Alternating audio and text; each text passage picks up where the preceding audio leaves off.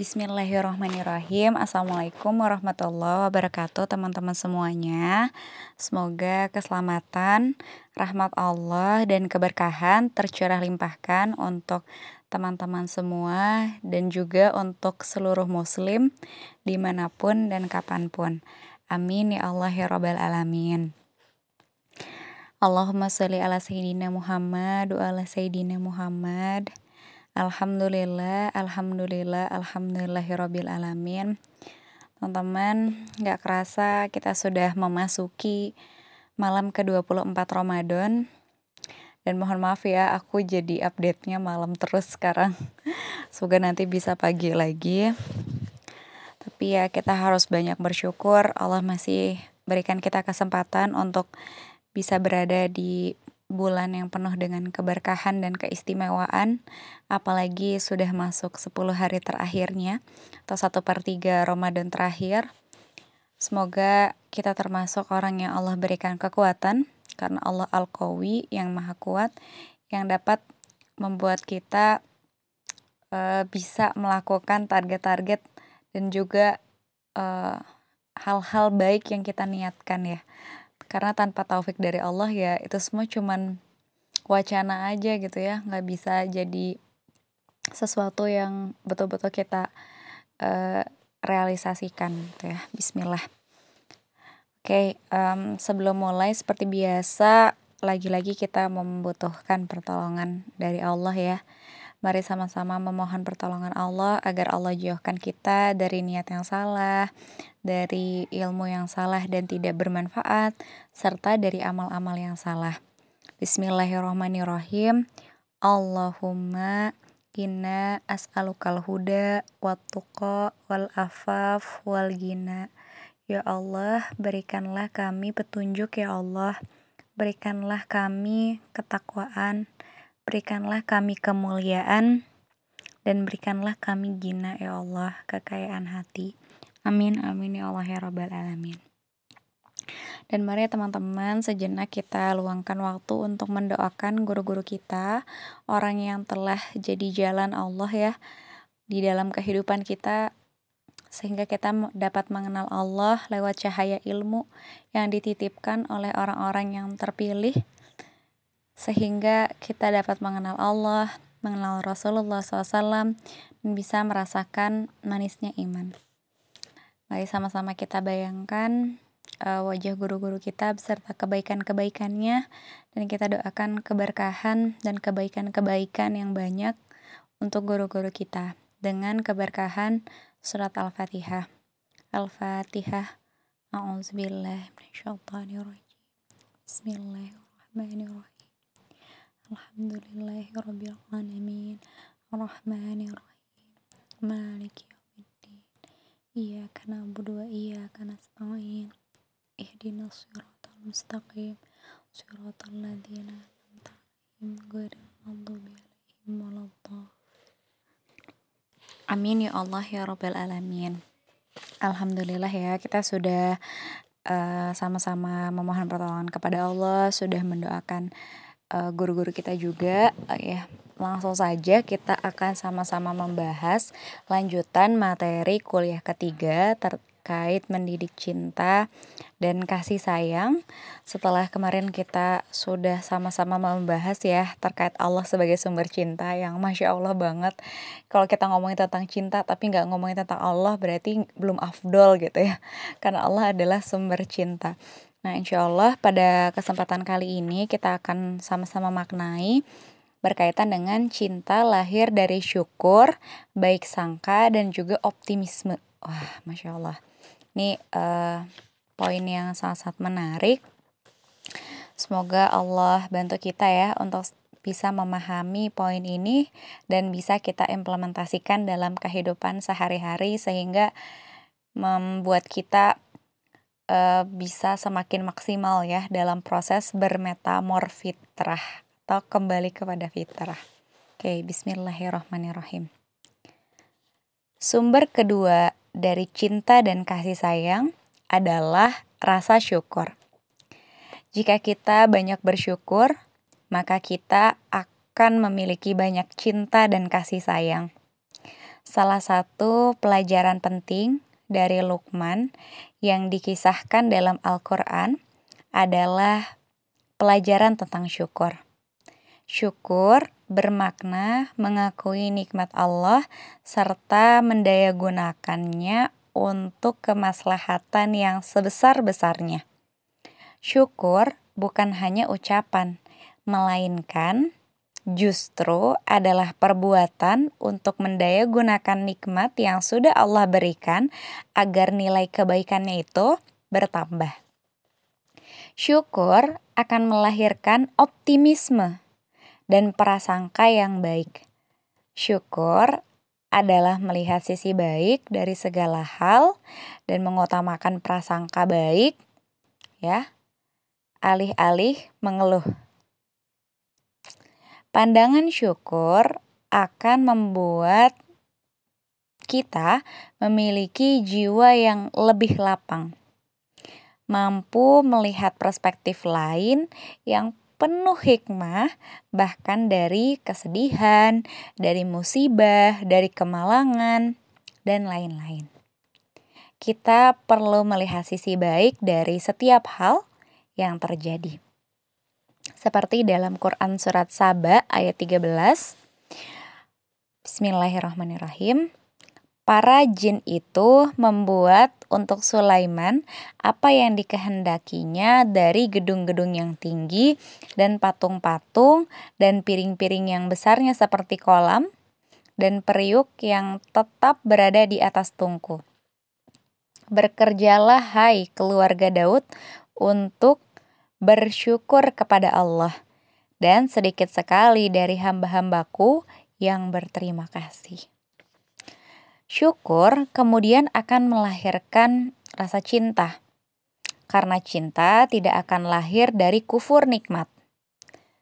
Mari kita sama-sama memperbanyak bersyukur, karena syukur adalah satu-satunya syarat bagi bertambahnya nikmat Allah kita sebagai umat Rasulullah SAW memiliki keistimewaan bahwa kita tidak mendapatkan azab atas dosa-dosa kita ketika di dunia. Berbeda dengan umat yang lain yang langsung mendapatkan azab di dunia ini. Kita diberikan kita memiliki satu pengecualian untuk dosa tidak bersyukur karena azabnya itu langsung di dunia. Orang-orang yang tidak bersyukur akan memiliki dada yang terasa sempit, tidak nyaman, dan mudah mencari sisi buruk dari dalam dirinya. Orang-orang yang kurang atau tanpa syukur akan melihat akan kesulitan melahirkan rasa cinta dalam dirinya. Suatu tantangan bagi para perempuan atau khususnya para bunda ya, karena mereka secara alami lebih berhati-hati dan waspada. Hal ini kadang membuat bunda mudah berpikir negatif, antisipatif, sehingga banyak melarang. Di sisi lain, bunda justru diharapkan sebagai salah satu sumber cinta dalam keluarga. Nah, dua hal ini sebenarnya bisa selaras, asalkan Bunda bisa mendahulukan syukur dan juga prasangka baik. Kita sebagai para calon bunda maupun bunda perlu terus berlatih ya untuk bisa terus berbaik sangka dan melihat sisi positif dari segala hal.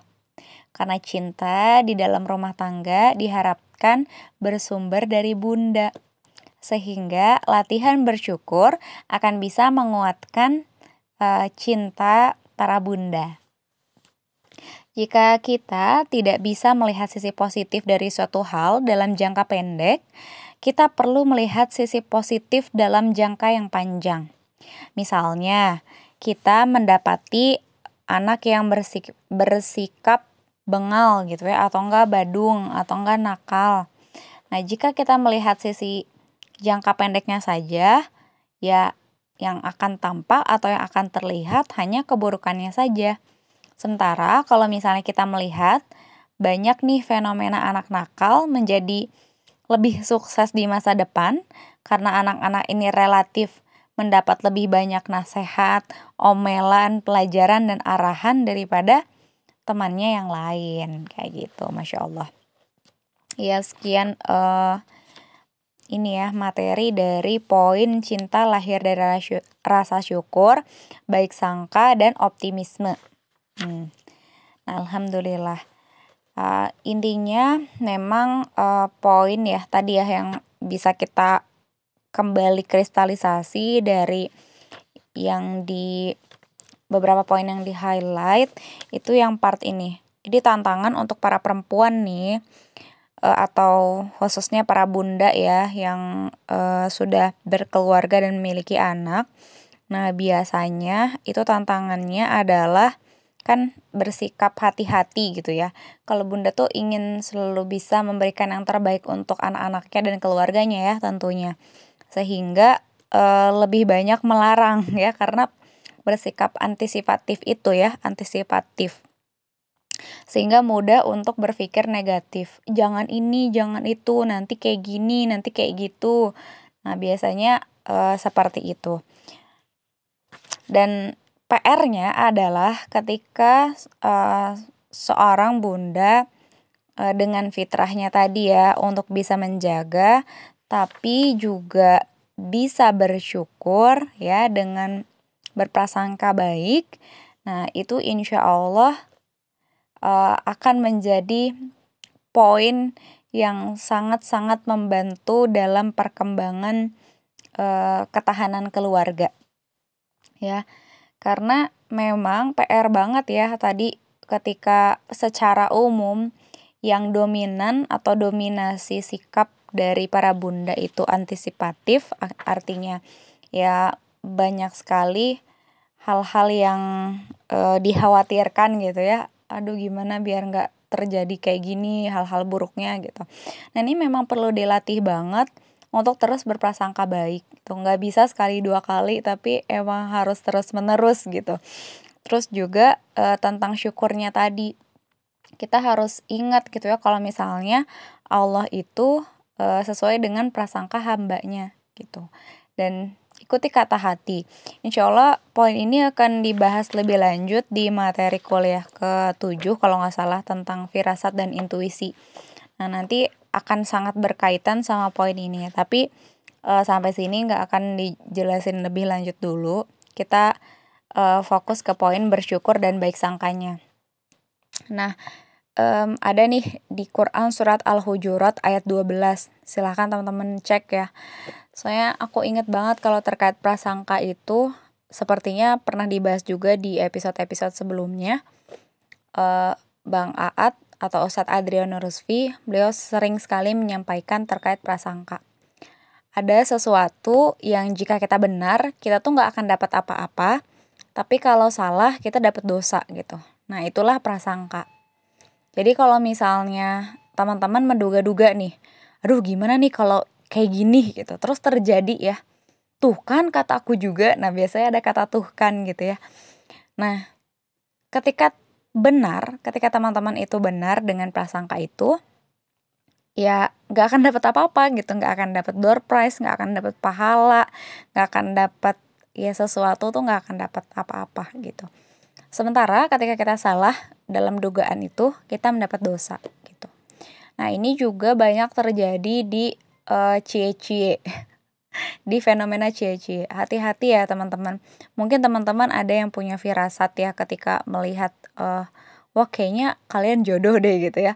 Suka ngecie-ciein orang si A sama si B dicie-ciein.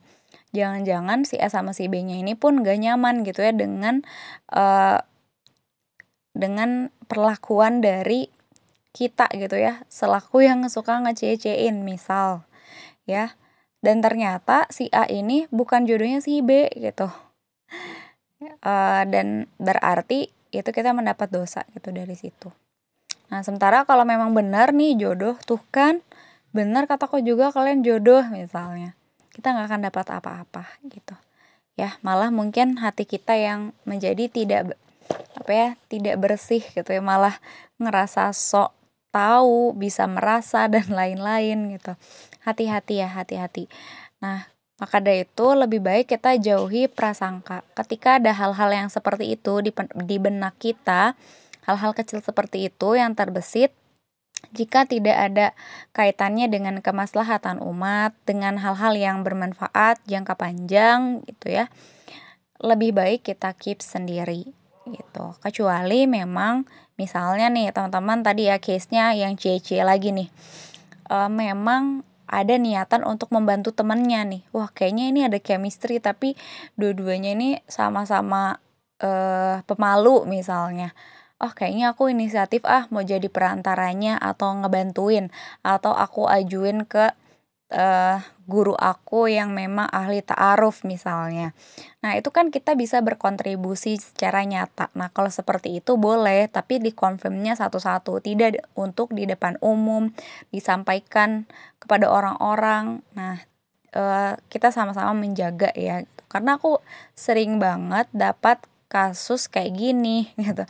Yang tentang CC ini banyak banget curhatan-curhatan yang masuk gitu ya dan lain-lain dan e, memang nggak enak banget kalau ada di posisi seperti itu ya kasihan juga orang yang ada di posisi itu tuh harus ngomong kayak gimana gitu untuk memuaskan yang ngomongin atau yang berprasangka. Jadi lebih baik kalau kita udah punya prasangka terkait sesuatu apa pun itu, kita minta tolong sama Allah agar dibimbing pada prasangka-prasangka yang baik gitu ya. Kalaupun ada tadi ya terbesit gitu. Teman kita nih kayaknya baru jodoh ya doain aja yang terbaik gitu. Toh mau bener atau tidak kan tidak akan mendapat apa-apa gitu. Kalau kecuali kalau kita mau kontribusi untuk bantu insya Allah itu dapat sesuatu gitu ya. Yaitu kita dapat pahala membantu. Nah tapi kalau kita cuma ngomong doang nah itu malah bisa memperkeruh suasana dan bisa mengotori hati kita. Jadi lebih baik kita hindari kayak gitu prasangka-prasangka baik ini bisa kita implementasikan dalam doa. Nah, misalnya ya, teman-teman, uh, kayak tadi kasusnya anak kecil. Duh, kok, kok kok ini tuh bandel banget gitu anak kecil ini tuh. Kita berdoa aja gitu sama Allah. Ya Allah, mungkin hari ini mah kan dia nggak tahu ya namanya anak kecil. Kita aja dulu waktu kecil mungkin nggak bisa diatur juga ya. Uh, sama aja gitu kayak gitu. Ya, tapi uh, kita lihatnya jangka panjangnya. Kita doain aja siapa tahu gitu ya anak kecil di depan kita teh nantinya jadi hafiz gitu kan jadi hafizo ataupun nanti jadi wali kota jadi presiden ya yang bertanggung jawab uh, besar untuk bangsa dan negara. Kita kan nggak pernah tahu gitu.